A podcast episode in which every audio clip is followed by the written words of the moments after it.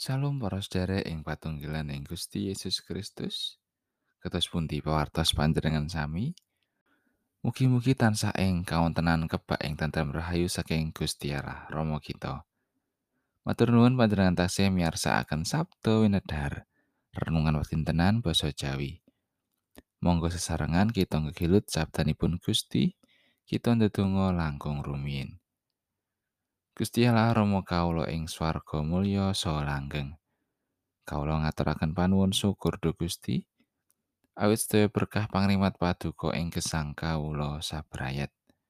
Samenika manah kawula sampun sumadyo badhe nampi sabda paduka. Mugi Roh Suci paring pepadhang ing manah kawula. Kawula mugi kasagetaken nindakaken dawuh paduka menika. Kawula ngrumaosi tasih kathah dosa kalepatan kawula dhumateng Gusti. Mugi Gusti kersa ngapunteni. wonten ing asmanipun Gusti Yesus Kristus kawula ndedonga lan saos syukur. Amin. Wawasan kapendet saking kalih Petrus bab setunggal ayat 16 ngantos selikur. Jalaran anggonku padha nyumurupake kowe babang waos lan bakal rawe Gusti kita Gusti Yesus Kristus kang jumeneng ratu. Iku ora marga ngandel marang dongenge wong kang ora nyoto.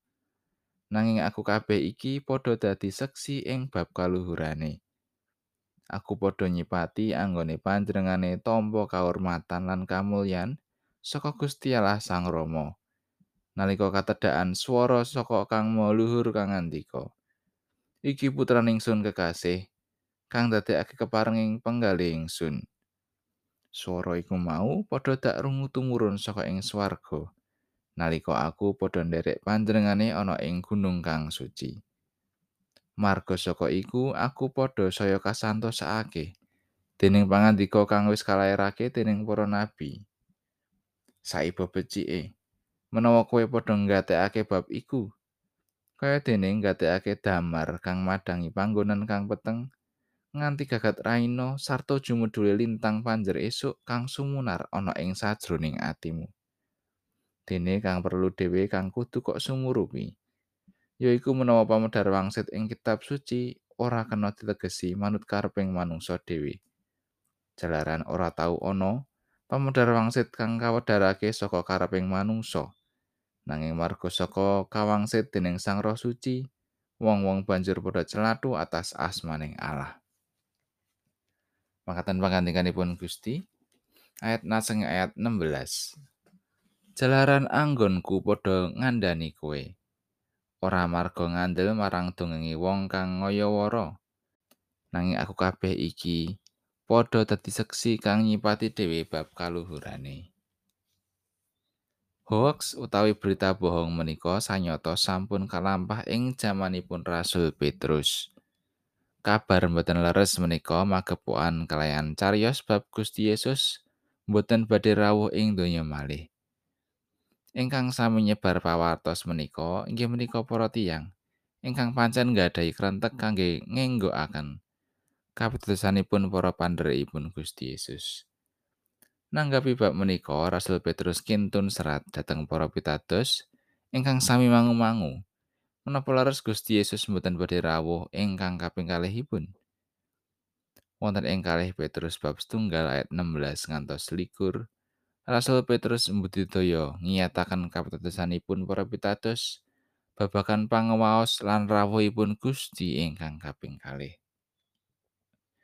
Bab menika nyataken dening pengalamanipun piyambak sadangunipun sesambetan kalian Gusti Yesus. Dene pengalamanipun Rasul Petrus kalian Gusti Yesus menika kathah sanget. Salah setunggalipun nalika kaajak minggah redi lan pinanggih kalian Nabi Musa lan Nabi Elia.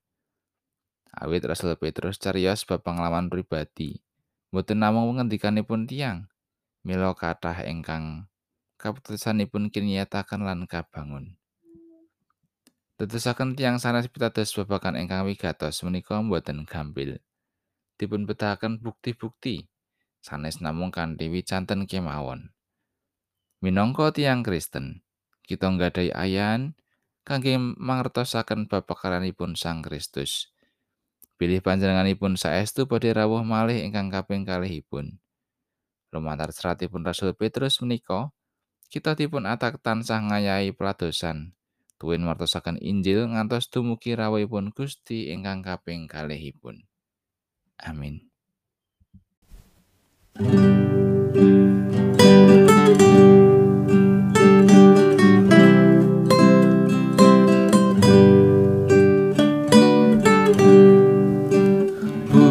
syukur konjo Gusti wit siramat paduka datan kendhat angasi cinaning kaula santo syukur paringing bakaryan nadyan patamboringke syukur dene kata mitra tansah anandokan sing